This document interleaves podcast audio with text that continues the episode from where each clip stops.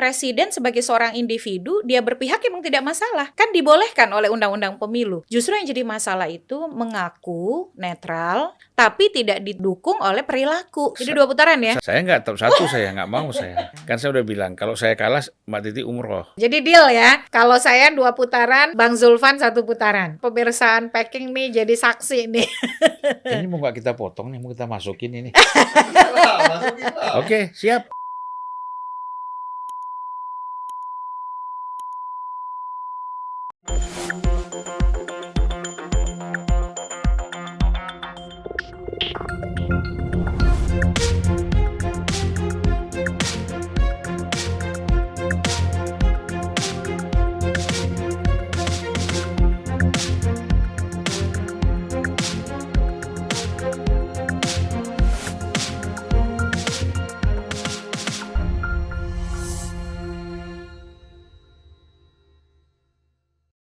Assalamualaikum warahmatullahi wabarakatuh.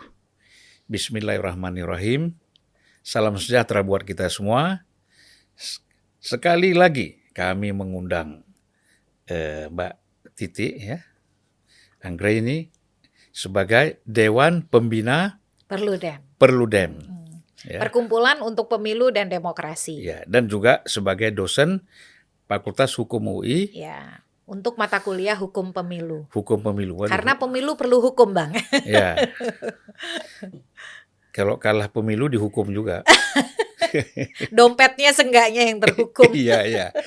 Mbak Titi ya, sekarang kita- kalau kita lihat ini Hmm.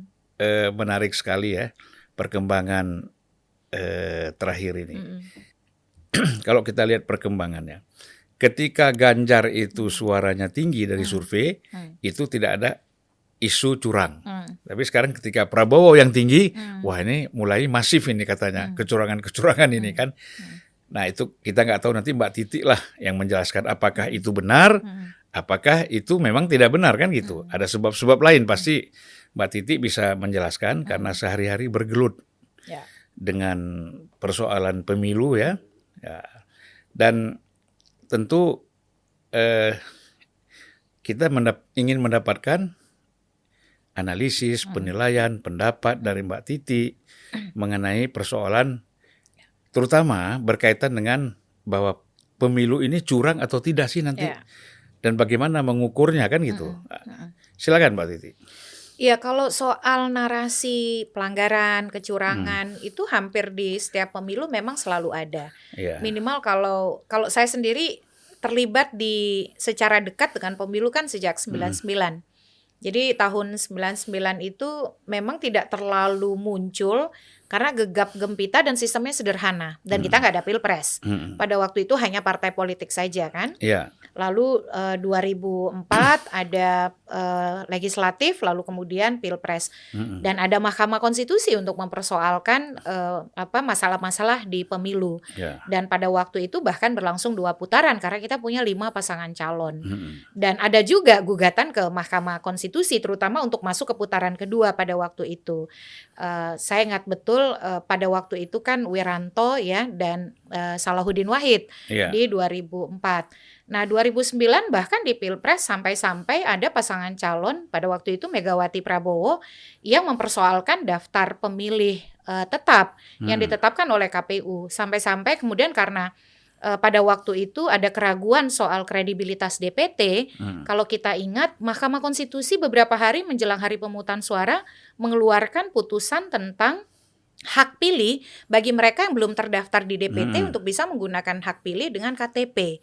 Nah, itu Ya. terobosan luar biasa. Bahkan kalau mereka yang sudah di luar daerahnya, KTP-nya tidak ada eh, di tempat lain, itu boleh milih di situ kan? Eh, pada waktu itu hanya boleh kalau dia memilih sesuai domisili di KTP. Oh ya. Tapi memang karena hanya beberapa hari, Bang, itu kacau di lapangan. Jadi Hmm. informasi bahwa boleh memilih asal namanya eh, di TPS sesuai KTP, lalu Hmm. juga eh, dengan membawa KK, Mm. itu tidak sampai ke lapangan. Jadi Hmm. tadi akhirnya sampai ada yang dia KTP-nya di Sumatera, hmm. ada di Pulau Jawa menggunakan hmm. dengan KTP di Pulau Jawa. Hmm. Jadi itu juga mewarnai pemilu kita dan jangan lupa pada waktu itu kan DPR sampai membuat pansus. Hmm. Lalu kemudian juga ada tim dari Komnas HAM soal perlindungan hak pilih. Hmm. Dan karena saking kontroversialnya pada waktu itu sampai-sampai masa jabatan anggota KPU dan Bawaslu di 2000 uh, eh, untuk yang penyelenggara 2009 kan dipercepat. Yeah. Jadi keluarlah Undang-Undang Nomor 15 Tahun 2011 hmm. mengubah Undang-Undang 22 2007 tentang penyelenggara pemilu masa jabatan KPU Bawaslu dipangkas. Jadi hmm dipercepat akhir masa jabatannya dengan diberikan kompensasi. Itu kan hmm. ekses dari ketidakpuasan yeah. pada uh, terutama daftar pemilih dan ya narasi curang juga muncul. Hmm. Bahkan di 2009 itu soal server hmm. yang dianggap ya pada waktu itu uh, servernya di luar negeri, hmm. hasilnya diutak-atik. 2014 saya kira narasinya lebih banyak masuk uh, kepada uh, soal uh, keadilan kompetisi ya. Tetapi pada waktu itu soal hasil lebih bisa dinetralisir karena hmm. ada transparansi. Hmm. Walaupun hanya dua pasangan calon, tapi karena KPU punya sistem yang relatif transparan, hmm. mempublikasi hasil C1 secara terbuka dan ada gerakan kawal pemilu, meskipun ada keraguan soal hasil dan ada perselisihan hasil di Mahkamah Konstitusi ya, tetapi bisa dinetralisir karena ada gerakan masyarakat yang memvalidasi hasil hmm. yang ditetapkan oleh KPU itu benar adanya. Hmm. Dan kalaupun ada uh, disparitas, tapi dia selisihnya nggak banyak gitu. Jadi hmm. tidak berpengaruh pada perolehan hasil. 2019 kalau kita apa kembali ke apa 2019 kan sampai ke Mahkamah Konstitusi juga narasi curang luar biasa. Hmm. Bahkan pada waktu itu di Mahkamah Konstitusi misalnya dihadirkan soal netralitas polisi hmm. yang dianggap uh, berpihak ya, uh, walaupun kemudian dibantah begitu. Kemudian soal sistem IT KPU dua uh, dua hmm. ahli yang dihadirkan di MK pada waktu 2019 ahli dari uh, Prabowo itu menyampaikan keraguan pada sistem IT hmm. KPU uh, dan banyak sekali hoax soal 7 juta surat suara sudah tercoblos, hmm. uh, 7 kontainer surat suara di hmm. Tanjung Priok dan lain sebagainya. Jadi memang um, dalam situasi pemilu kita narasi kecurangan itu tidak pernah lepas. Hmm. Tapi memang 2024 punya karakternya sendiri. Jadi um, saya kira narasi curang itu muncul terutama pasca putusan MK. Hmm. Atau kemudian bahkan bu bukan pasca, ketika bergulir putusan Mahkamah Konstitusi itu kan diawali sebenarnya oleh PSI di hmm. awal 2023. Hmm. Nah, kemudian itu bergulir terus mengarah mengerucut pada uh, upaya untuk meloloskan Gibran yang secara usia tidak memenuhi syarat. Hmm. Uh, lalu kemudian gol dengan putusan 90 yang kalau kita lihat nih kaji putusan itu itu berubah pendirian hakim itu hanya tiga hari. Hmm. Jadi 19 September kalau kita baca putusan tuh Bang, 19 September itu putusan nomor 29 2023 yang hmm. diajukan oleh PSI. Itu hakim mengatakan soal usia itu kebijakan pembentuk undang-undang atau hmm. open legal policy. 19 September mereka rapat permusyawaratan hakim. Hmm. 21 September rapat berikutnya untuk perkara Almas Saki Biru itu mereka berubah pendirian dengan ada syarat alternatif. Hmm. Pernah menjadi pejabat negara yang dipilih melalui pemilu atau pilkada. Yeah. Itu hanya tiga hari. Saya bolak-balik beracara ke Mahkamah Konstitusi. Mahkamah itu bukan sekali dua berubah pendirian hmm. hukum, tapi tidak pernah berubah pendirian hukum dalam tiga hari. Hmm. Di situ kemudian ya minimal sebagai praktisi hukum yang sering beracara ke MK, wajar kalau melihat ada problem hmm. di dalam kompetisi pemilu kita terutama berkaitan dengan kepastian hukum. Kan MK ini perannya tidak main-main begitu. Hmm. Nah, jadi ketika ada tiket yang dianggap eksklusif diberikan kepada satu kontestan tertentu, masalahnya problem putusan 90 yang menghantarkan Gibran menjadi calon ini dan itu ada masalah di dalamnya kan dikonfirmasi satu oleh putusan mahkam apa majelis MKMK. ya majelis kehormatan Mahkamah Konstitusi MKMK dengan ketuanya Prof Jimli hmm. ada pelanggaran etik berat tapi kalau publik tidak banyak tahu ini memang problem itu juga di, diakui oleh Mahkamah Konstitusi secara kelembagaan hmm. melalui apa melalui putusan MK nomor 141 tahun 2023 setelah hmm. putusan 90 yang diajukan oleh salah satu mahasiswa Unusia. Hmm. Nah, di putusan 141 ini Mahkamah Konstitusi suaranya bulat, delapan hakim. tanpa Anwar Usman di putusan 141, ini boleh percaya boleh tidak, MK mengatakan syarat usia itu kewenangan pembentuk undang-undang. Hmm. Kalaupun ada alternatif, yang paling mendekati alternatif itu adalah pernah menjadi gubernur. Hmm. Artinya apa? Kan merekonstruksi putusan yang menjadi tiket dari orang yang menjadi kontestan. Nah, Mahkamah Konstitusi tidak ada dissenting opinion, tidak ada concurring opinion, bulat menyatakan usia dan syarat alternatifnya kewenangan pembentuk undang-undang. Hmm. Tapi memang Mahkamah, saya bisa paham, Mahkamah tidak menganulir implikasi dari putusan 90. Hmm. Karena kan ini berkaitan soal agenda ketatanegaraan, kepastian tahapan yang sudah bergulir karena putusan 141 itu dibacakan di November. Hmm. Ketika pasangan calon Sorry sudah ditetapkan dan tahapan juga sudah bergulir kan, sudah menuju kampanye dan sudah apa proses kampanye. Hmm. Jadi dengan ilustrasi itu narasi kecurangan bukan sekali dua soal penggunaan um, apa kalau kita uh, misalnya aparat keamanan Babinsa bukan sekali ini saja soal bansos juga gitu ya BLT soal birokrasi polisi tapi bedanya memang ada yang mendasar.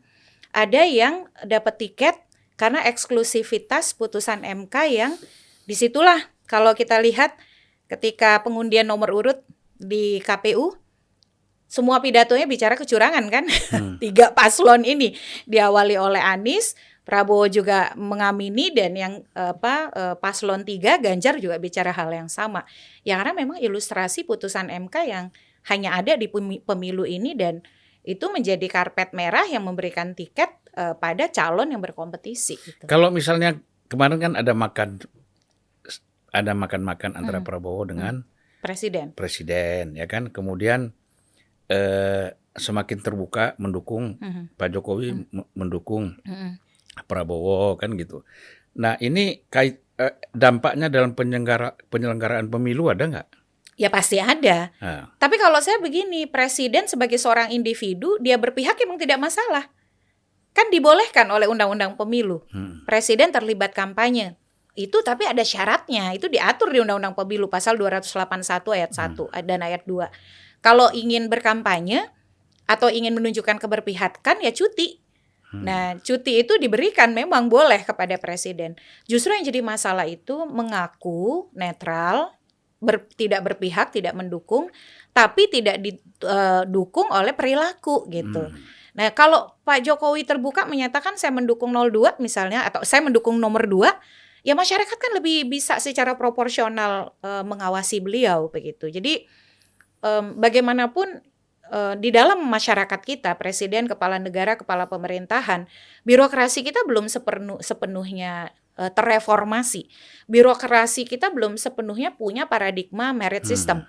Dan uh, Bang Zulfan pasti lebih paham di pilkada birokrasi itu memang menjadi objek dan dia dipolitisis dipolitisasi dan dia juga berpolitik praktis. Hmm. Jadi dua-duanya ada birokrasi yang uh, dipolitisir tapi juga hmm. ada birokrasi yang berpolitik praktis. Jadi hmm. bayangkan kalau kemudian apalagi ini kan ya saya kira intensinya ketika dia petahana dengan kemudian dia bukan petahana tapi anak kandungnya maju, hmm. kemauan untuk kemudian ya sukses memenangkan, saya yakin lebih besar ketika anak kandung yang berkompetisi. Hmm. Karena kalau dia petahana, dia kan punya memang otoritasnya ada di situ, dia hmm. bisa mendesain program dalam kapasitas otoritas dia begitu. Tapi kan kalau ini ada ada jarak begitu hmm. dengan uh, yang sedang berkontestasi. Jadi menurut Mbak Titi seharusnya Jokowi itu langsung saja menyatakan Betul. secara terbuka bahwa saya mendukung 02. Betul.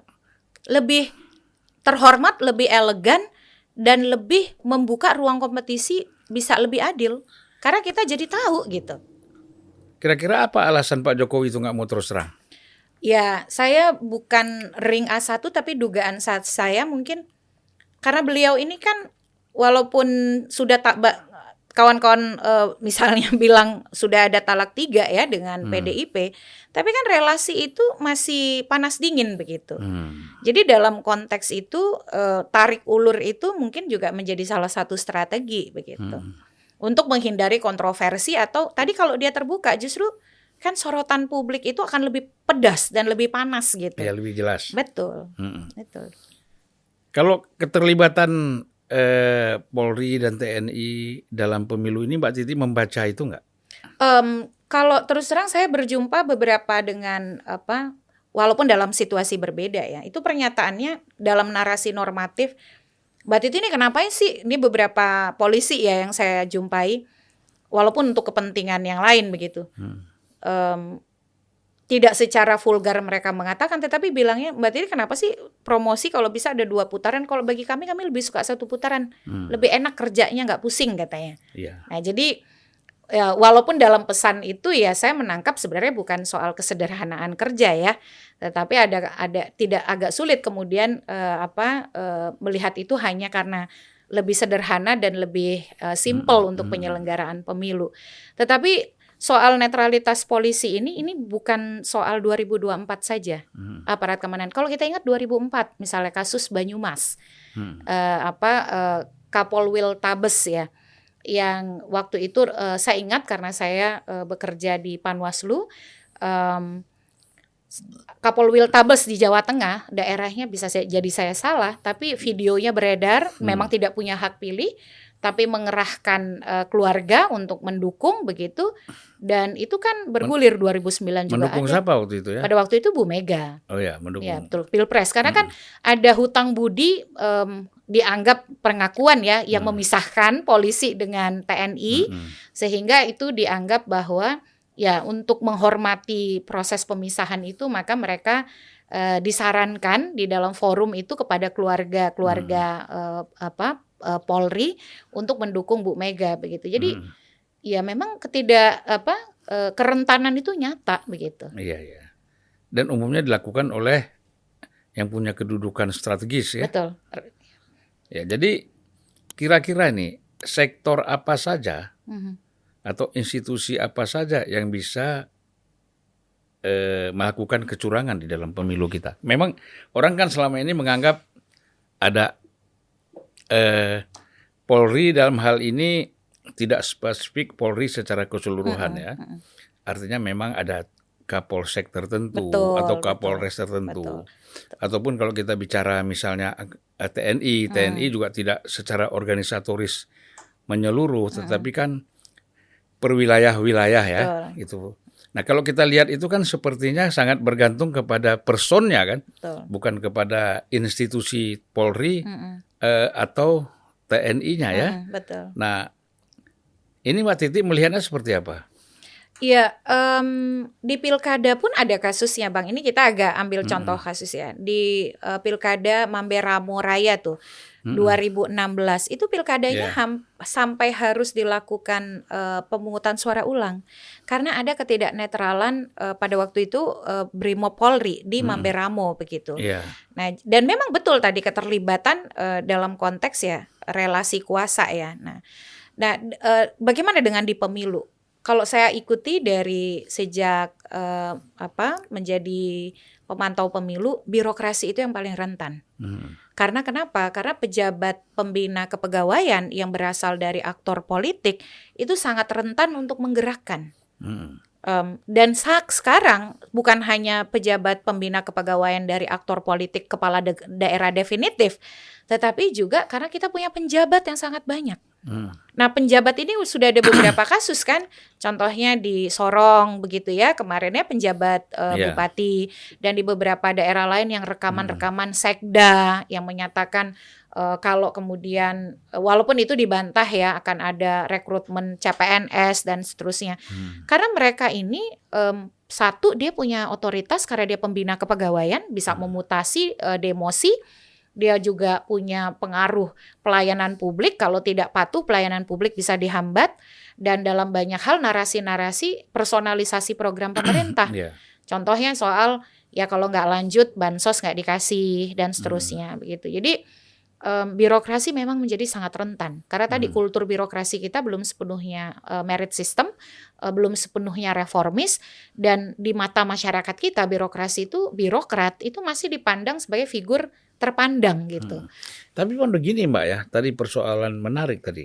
Persoalan kalau misalnya tidak ikut mendukung, maka bansosnya ditahan. Ya, Nah itu saya nggak tahu ya itu apakah eh, satu informasi yang memang valid mm.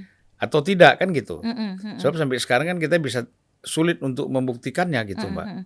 Gimana? Iya, kalau di pilkada-pilkada dan di pemilu-pemilu terdahulu karena kebetulan kan saya saya dari Sumatera mm -hmm. begitu ya, kalau pulang kampung laporan-laporan yeah. seperti itu ada, Bang. Gitu ya. Dan itu dibelokkan kan yang di lapangan yang hmm. menyatakan itu dan nggak mungkin yang di lapangan itu bekerja tanpa instruksi gitu. Hmm. Jadi yang yang terjadi itu adalah pembelokan informasi. Jadi personalisasi program uh, pemerintah, program negara yang sebenarnya kan it takes two to tango ya. Bisa ada bansos kan karena ada persetujuan dari parlemen. Hmm. Tetapi kemudian itu ketika dibelokkan bahwa itu hanya berkat budi baik satu orang hmm. um, dan memang itu di bawah kepemimpinan dia bagi masyarakat yang memang membutuhkan itu sebagai hmm. sesuatu yang uh, signifikan ya itu berdampak begitu. Kadang-kadang begini ya, saya lihat bahwa misalnya ASN hmm. ataupun anggota Polri ataupun anggota TNI misalnya atau hmm. uh, institusi lain lah. Hmm. Kalau dalam konteks ini kan mereka itu sebenarnya bisa juga tanpa perlu diinstruksi. Hmm. Tetapi mereka kan secara otomatis hmm. itu bisa melakukan sesuatu hmm ya kan? Hmm. Karena memang dia lebih apakah loyal atau Betul. takut kepada eh, atasan hmm. sehingga mereka otomatis melakukan itu kan gitu. Betul, betul. Belum tentu juga ada arahan langsung gitu. Ya bisa jadi di beberapa kasus begitu hmm. karena merasa ada insentif yang didapatkan. Hmm. Gitu. Jadi uh, tetapi memang um, Ya penggalangan dan penggerakan itu kalau kita ingat uh, di 2004 isunya itu di 2009 ya. Mm -hmm. 2009 itu isu Babinsa pada waktu itu yeah. kan ramai dan juga BLT pada waktu itu. Masalahnya operator lapangan ini ketika mereka menarasikan uh, program itu harusnya dari negara itu dipersonalisasi sebagai program dari aktor politik tertentu. Mm. Nah, 2019 itu yang saya temui di lapangan adalah soal PKH. Jadi uh, apa uh, program keluarga harapan gitu ya di di di desa minimal di Sumatera yang uh, tempat saya datang itu mereka mengatakan bahwa program itu dari uh, apa namanya presiden kalau kita hmm. mau ini lanjut uh, presi kita harus pilih tetap bertahan presidennya itu dan seterusnya hmm. itu terjadi begitu hmm. tapi kan masalahnya kalau kita ukur tingkat kemasifan kita kan hmm. kan nggak punya alat ukurnya karena yeah. itu iya. kasuistis apakah ketika itu disampaikan dia berdampak sampai signifikan mempengaruhi suara kan itu kita tidak punya alat hmm. ukurnya. Ada kesan gini, Mbak. Ada kesan ini kesan ya. Hmm. Eh, seolah-olah Pak Jokowi itu ingin satu putaran. Putaran. Hmm. Dan kemudian eh, semangat satu putaran itu juga berkembang. Hmm. Saya sendiri misalnya Mbak tanya tadi saya hmm. kan di luar podcast hmm. ini. saya juga mengatakan satu putaran hmm. gitu kan. Hmm. Nah, kalau Mbak Titi gimana pandangannya? Eh uh, ya karena kan ini kalau saya lihat hasil survei ya, saya tahu ya kan hasil survei gitu. Hmm. Yang survei juga teman-teman juga. Itu kan hmm. masih di angka 43 persen, ya, 45 persen. Mentoknya 45 lah. Iya, bahkan Kompas terakhir walaupun belum ada rilis baru ya. 39. Uh, uh, ya, betul. Terus masih uh, di angka 28 persen yang yeah, uh, undecided, undecided voters yeah. atau pemilih yang masih belum menentukan. Jadi kok saya ngerasa kayaknya dengan 204 juta pemilih terlalu apa ya? Maksudnya ya terlalu ambisius. Yeah. Kalau satu putaran terlalu itu terlalu over optimis ya. Ya, kalau menurut saya begitu. Hmm. Bahkan gimana caranya ya kalau yeah. misalnya mau mengejar itu begitu. Nah, makanya saya menjadi uh, bisa memahami gerakan-gerakan masyarakat yang ingin memastikan di TPS itu hasil tuh dihitung dengan benar. Hmm. Misalnya sekarang kan ada gerakan jaga suara 2024, hmm. jaga suaramu, jaga pemilu, komunitas pemilu bersih. Ya mungkin orang yang berpahaman seperti saya, ber apa berpandangan seperti saya how come gitu ya untuk hmm. uh, satu putaran ya ingin mereka memastikan bahwa suara itu dihitung dengan benar. Begitu. Nah sekarang kan begini, kalau sudah semua infrastruktur digunakan, segala cara digunakan untuk menjaga suara agar hmm. tidak terjadi kecurangan, hmm. ternyata Prabowo juga yang menang. Bagaimana? Ya kita kalau saya sebagai um, ya pengajar hukum kan ada eh, prosedur. Ya, ya Mahkamah ya, ya. Konstitusi menjadi benteng kita. Hmm. Makanya kemarin kita berisik soal Mahkamah Konstitusi hmm. yang putusan 90 itu. Hmm. Dan kita ingin melihat mahkamah ini perannya di pemilu itu pertaruhannya terlalu besar. Hmm apa pun hasil pemilu nanti, pengalamannya akan selalu berujung di Mahkamah Konstitusi. Hmm. Pada ketuk palu Mahkamah Konstitusi. Terlepas pasca 2014 ada polarisasi yang uh, mendalam, terlepas 2019 walaupun ada politik merangkul dari Jokowi kepada Prabowo, tapi residunya itu kan masih terasa.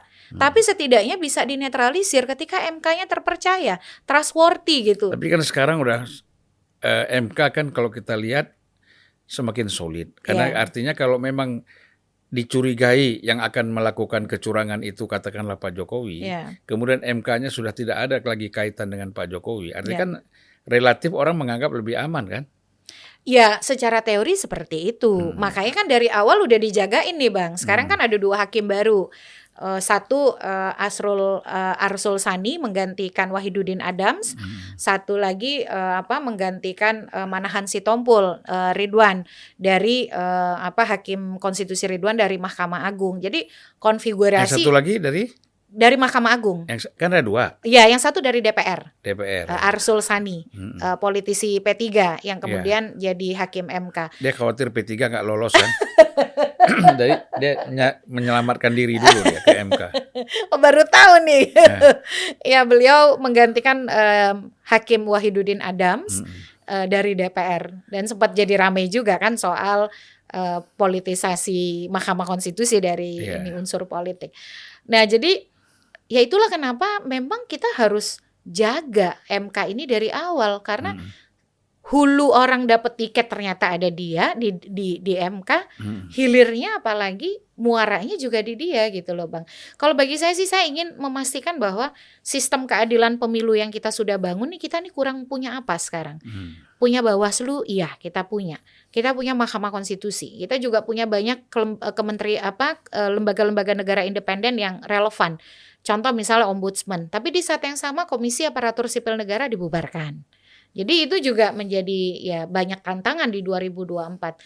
E, meski soal Bawaslu misalnya ya waktu akhir-akhir ini lebih banyak dugaan pelanggaran yang tidak mem, tidak dilanjutkan daripada yang dilanjutkan. Hmm. Itu juga menjadi catatan tersendiri yang mungkin ini soal fenomena gunung es yang bisa saja semua kasus-kasus ini akan dibawa kembali ke hmm. Mahkamah Konstitusi. Jadi penting memang menjaga Mahkamah Konstitusi kita. Iya.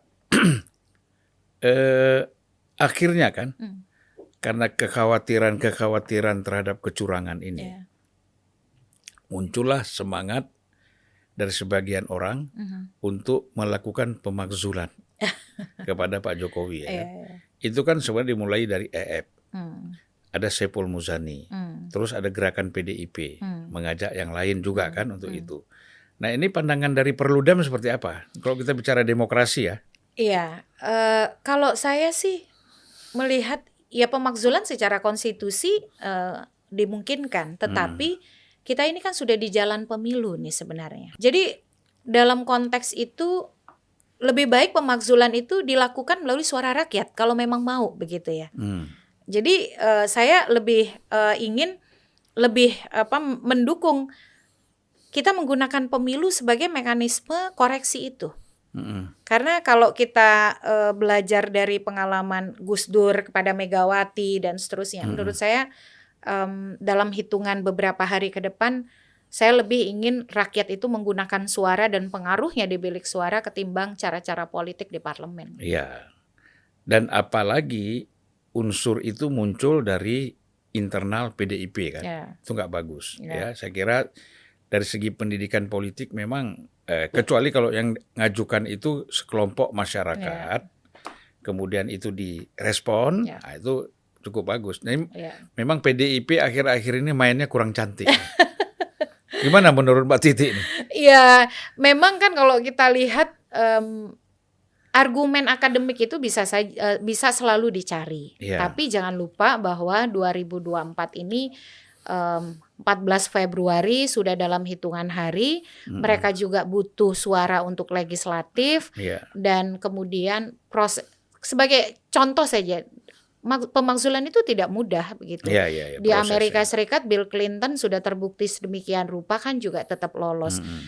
Energi itu akan terfokus ke sana sementara ada kebutuhan pemilu yang harusnya itu jadi konsentrasi kita. Iya, iya. Apalagi kalau jadi dua putaran kan, Bang, Ah, di ah. bulan Juni begitu. Mm-mm. Jadi lebih baik konsolidasi itu dilakukan untuk empowering voters gitu. Jadi Mm-mm. memberdayakan pemilih, membuat pemilih itu betul-betul menggunakan suara untuk penghukuman bagi Mm-mm. orang yang dia tidak Mm. kehendaki dan reward bagi orang yang dia kehendaki Mm. begitu.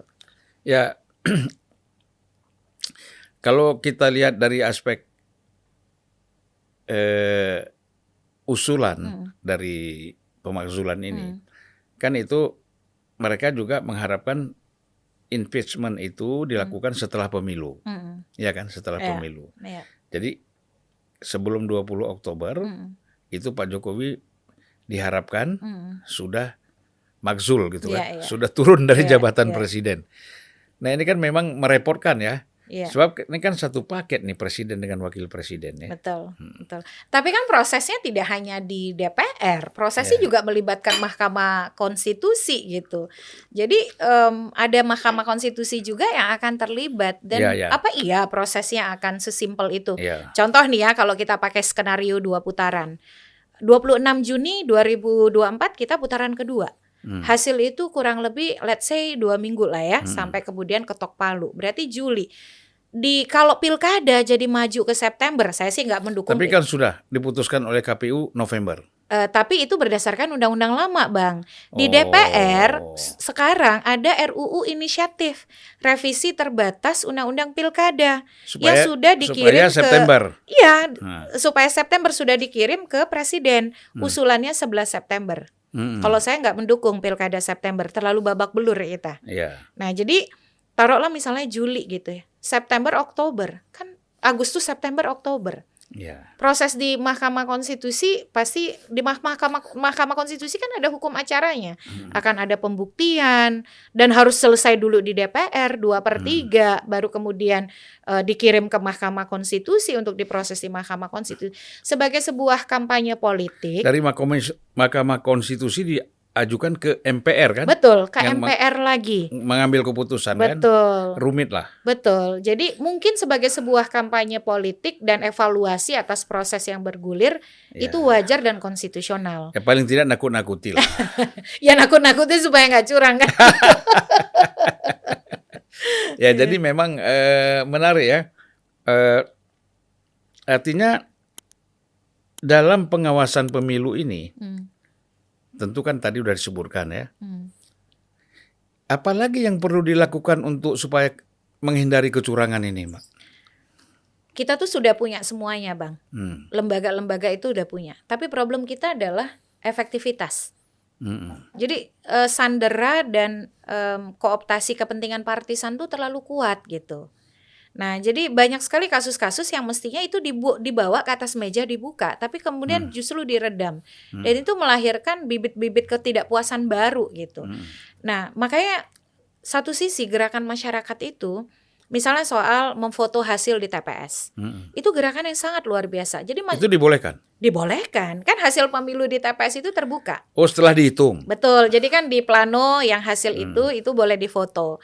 Nah, jadi beberapa gerakan teman-teman itu karena tadi ya mungkin eh, didorong oleh ingin memastikan kalaupun satu putaran ataupun dua putaran itu hasil yang otentik. Tapi itu repot juga kalau saya lihat seperti di lapangan, saya ikut pemilu, Mbak Mhm. ya. Kadang-kadang kawan-kawan ini kalau dia lihat, oh ini Prabowo menang, ah jangan kita foto lah. Nanti satu sisi lagi, ini Ganjar menang, jangan Ah. kita foto lah. Eh, Nah ini bisa terjadi juga seperti itu di lapangan ya kan? Tapi KPU sekarang punya eh, program teknologi yang akan mempublikasi hasil itu eh, dengan sistem mereka Iya, iya. yang namanya tadi ya sistem infor eh, namanya Sirekap, sistem informasi rekapitulasi suara. Jadi hasil di TPS itu akan difoto menggunakan aplikasi yang dikembangkan oleh KPU bersama ITB dan dikirim ke server nasional sehingga masyarakat pun bisa mengkonfirmasi hasil di TPS mereka. Minimal Hmm. kalau Pilpres kan lebih mudah. Iya. Nah, jadi makanya KPU ini harus betul dijagain. KPU itu akan memperkeruh pusaran kecurigaan kalau mereka banyak masalahnya. Mm-mm. Justru saya ini khawatir masalah kita tuh di teknis. Makanya hmm. uh, Presiden Jokowi di dalam dua konsolidasi nasional KPU Desember hmm. 2022 dan Desember 2023 selalu berpesan pada KPU kerja yang benar soal teknis. Hmm. Karena teknis kalau tidak diurus benar dia jadi politis. Nah, bagaimana dengan intervensi dari luar seperti kita tahu kan ada pencurian data segala yeah, macam yeah. apa hacker-hacker yeah. ini menurut Mbak Titi ini udah mampu belum sistem KPU kita menghambat itu, menghadang itu. Ya, itu yang kekhawatiran terbesar. Jadi hmm. selama ini di pemilu 2014, 2019 meskipun banyak masalahnya, situng dulu teknologinya namanya situng, sekarang hmm. rekap sistem teknologi penghitungan suara dulu. Hmm. Itu jadi sandaran kita dalam menjaga transparansi dan akuntabilitas kerja petugas. Hmm. Nah sekarang kalau mereka tidak mampu mengelola teknologi informasi itu dan hari H dia tidak bekerja baik, Kebayang nggak bang? Konspirasinya itu akan ke mana-mana. Hmm. 2019 saja soal situng itu kan dibawa ke MK. Hmm. Nah, bagaimana kalau di 2024 publik itu um, punya apa spekulasinya sendiri? Oh KPU ini gagal sistemnya karena sengaja menutupi hasil yang sebenarnya gitu ya. Hmm. Itu akan berlarut-larut terus. Makanya KPU memang betul-betul dia ya sudahlah. Kalau jadi anggota KPU dan Bawaslu itu niatkan sekali saja hmm. sebagai uh, anggota KPU Bawaslu kalau saya karena posisi lembaga ini memang istimewa di konstitusi kita hmm. dan dalam praktek ketatanegaraan kita, mereka orang yang menjadi uh, koki ya untuk lahirnya pemimpin-pemimpin kita orang nomor hmm. satu di negara kita, ya mestinya ya sudah selesai dengan dirinya kerja aja yang hmm. benar hmm. gitu, nggak usah mimpi lagi jadi menteri, jadi apa gitu. Nah kekhawatiran soal teknis contoh narasi uh, surat suara yang dikirim lebih dulu di Taipei Nah itu kan membuat keraguan bisa tidak pemilu di luar negeri terkelola baik. Uh, simulasi um, hari pemutusan suara, simulasi peng, uh, pemungutan penghitungan suara, pilpres ada tiga calon, surat suaranya hanya dibuat dua calon, itu kan hmm. jadi ramai. Itu yakin lah. Siapa aja dua calon tuh? Dua calonnya mereka pakai nomornya tidak sama dengan nomor satu dua tiga, tapi hmm. lima enam lima tujuh. Hmm. Tapi calon tuanya dua. Hmm. Jadi ada um, apa protes yang bilang calonnya memang cuma dua ya. Padahal kan calon ada tiga. Akhirnya tiga. apa? Simulasinya diulang. Hmm. Ini bang di dalam pemilu ini udah dicatat semua nih sebagai list dari potensi kecurangan atau hmm. yang di list sebagai kecurangan. Yakin deh. Hmm. Jadi kalau KPU ini tidak berbenah, tidak memastikan logistiknya benar, hari H itu transparan, si rekapnya berfungsi dengan baik, list yang sudah dicatat ini akan naik lagi Selesai hmm. tanggal 14 Februari, 15 Februari, 16 pasti sudah ramai. Dugaan saya selalu begitu tuh di pemilu. Ya, jadi gini, eh kalau dua putaran itu kan dianggap ada kecurangan tapi tipis lah. Kalau ya. dua curangan kan ya. gitu. Walaupun kita baru punya pengalaman sekali di 2004 ya. Ya, kemudian satu putaran itu dianggap tebal itu mm -hmm. kecurangannya. Ini ini kenapa gitu? Nah, maksud saya eh, Mbak Titi itu yakin dua putaran tuh alasannya apa gitu, Pak? Ya karena selisihnya tidak pernah uh, apa? Surveinya tuh tidak pernah mencapai 50%. Hmm. Dan uh, undecided dan pemilih bimbangnya itu masih tinggi. Hmm. Gitu. Jadi sebagai contoh, saya sudah um, bertanya beberapa orang misalnya mau pilih yang mana nanti aja mendekati hari H. Hmm. Nah mendekati hari H kan kita nggak pernah tahu mendekati hari H itu ada apa begitu. Hmm. Jadi berdasarkan survei itu bayangan objektif atau subjektif saya lah ya objektif menurut hmm. saya kan subjektif sebenarnya ya dua putaran dua putaran ya dua putaran agak sulit membayangkan kita hanya satu putaran gitu gitu ya ya saya nggak enak mengulangi lagi alasan-alasan saya mengapa saya yakin. saya gini, orang tuh kadang-kadang begini, Mbak.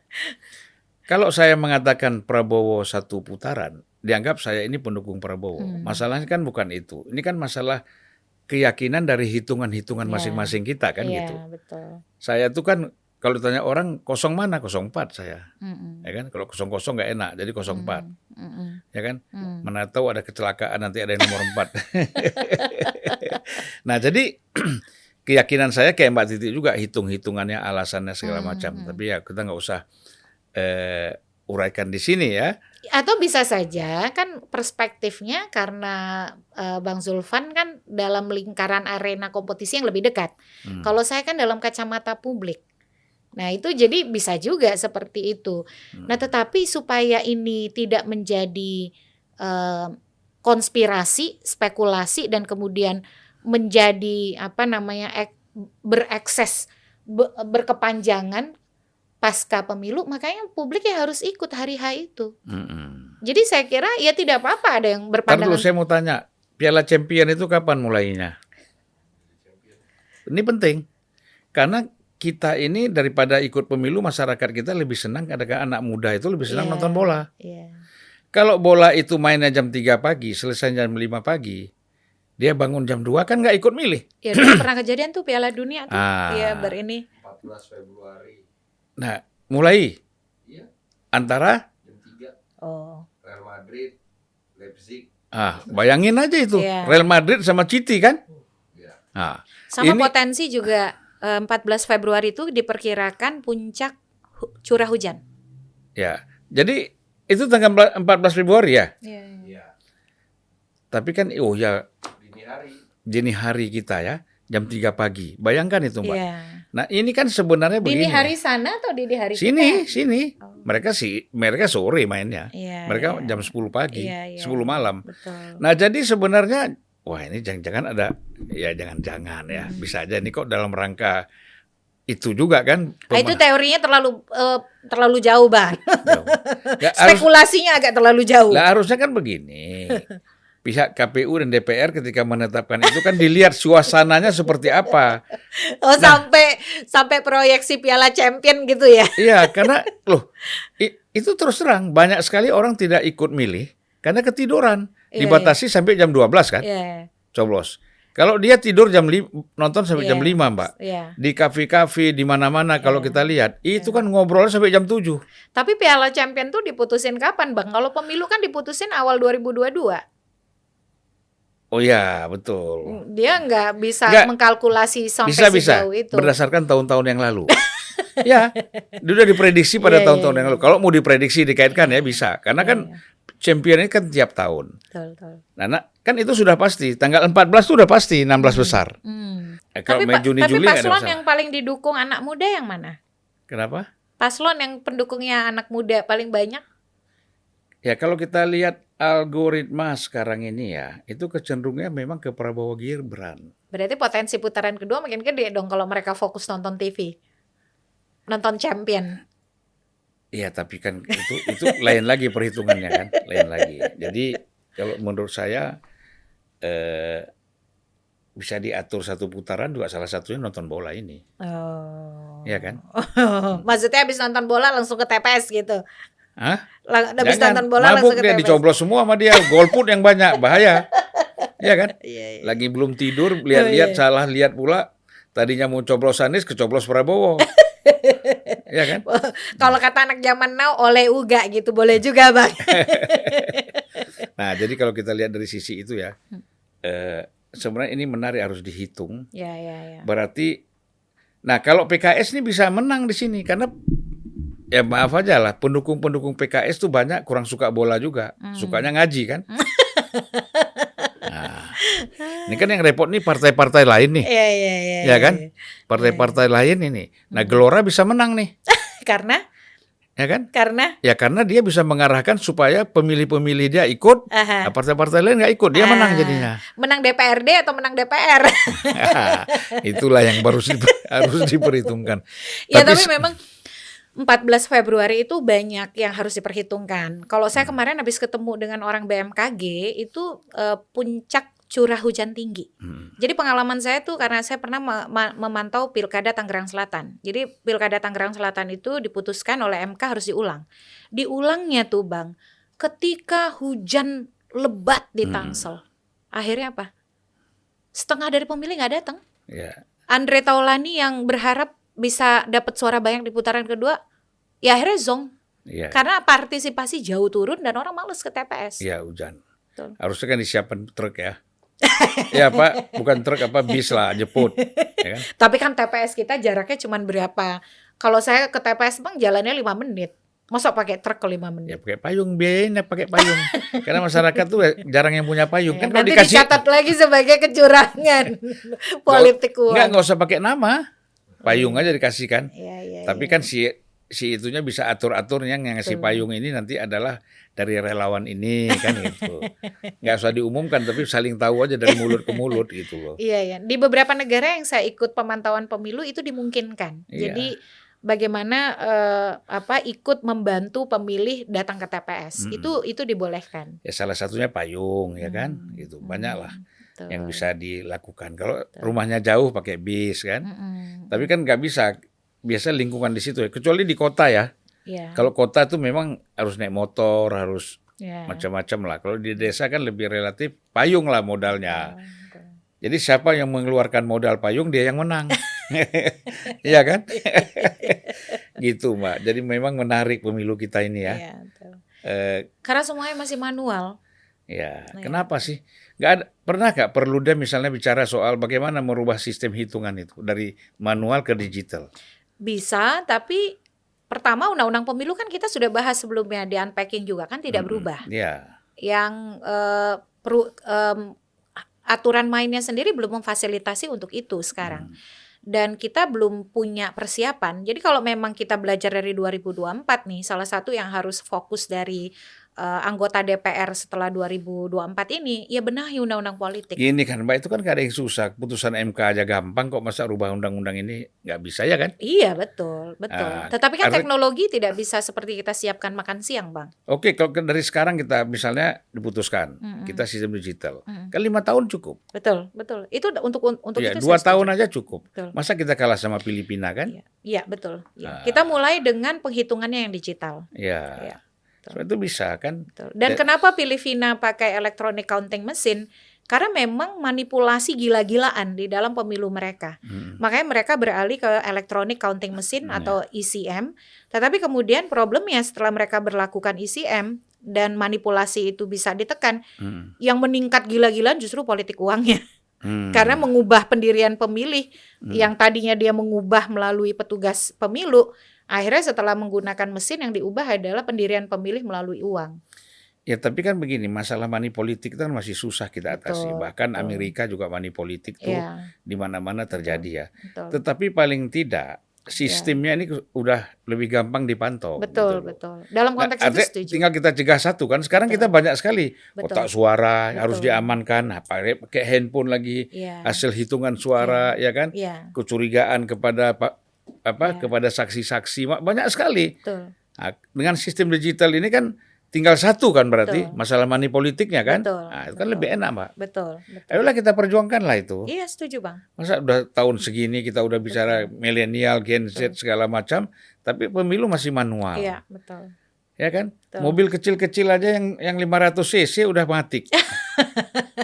ya, Iya, iya, gitu, iya. Mbak. iya. Jadi udahlah kita lupakan itu manual-manual itu. Gitu. Iya.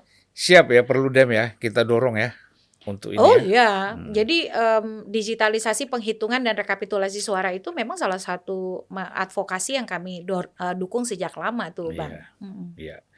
Oke Mbak Titi, ki- mungkin kita sudah Jadi dua putaran ya? satu jam. Saya nggak tahu satu saya nggak mau saya.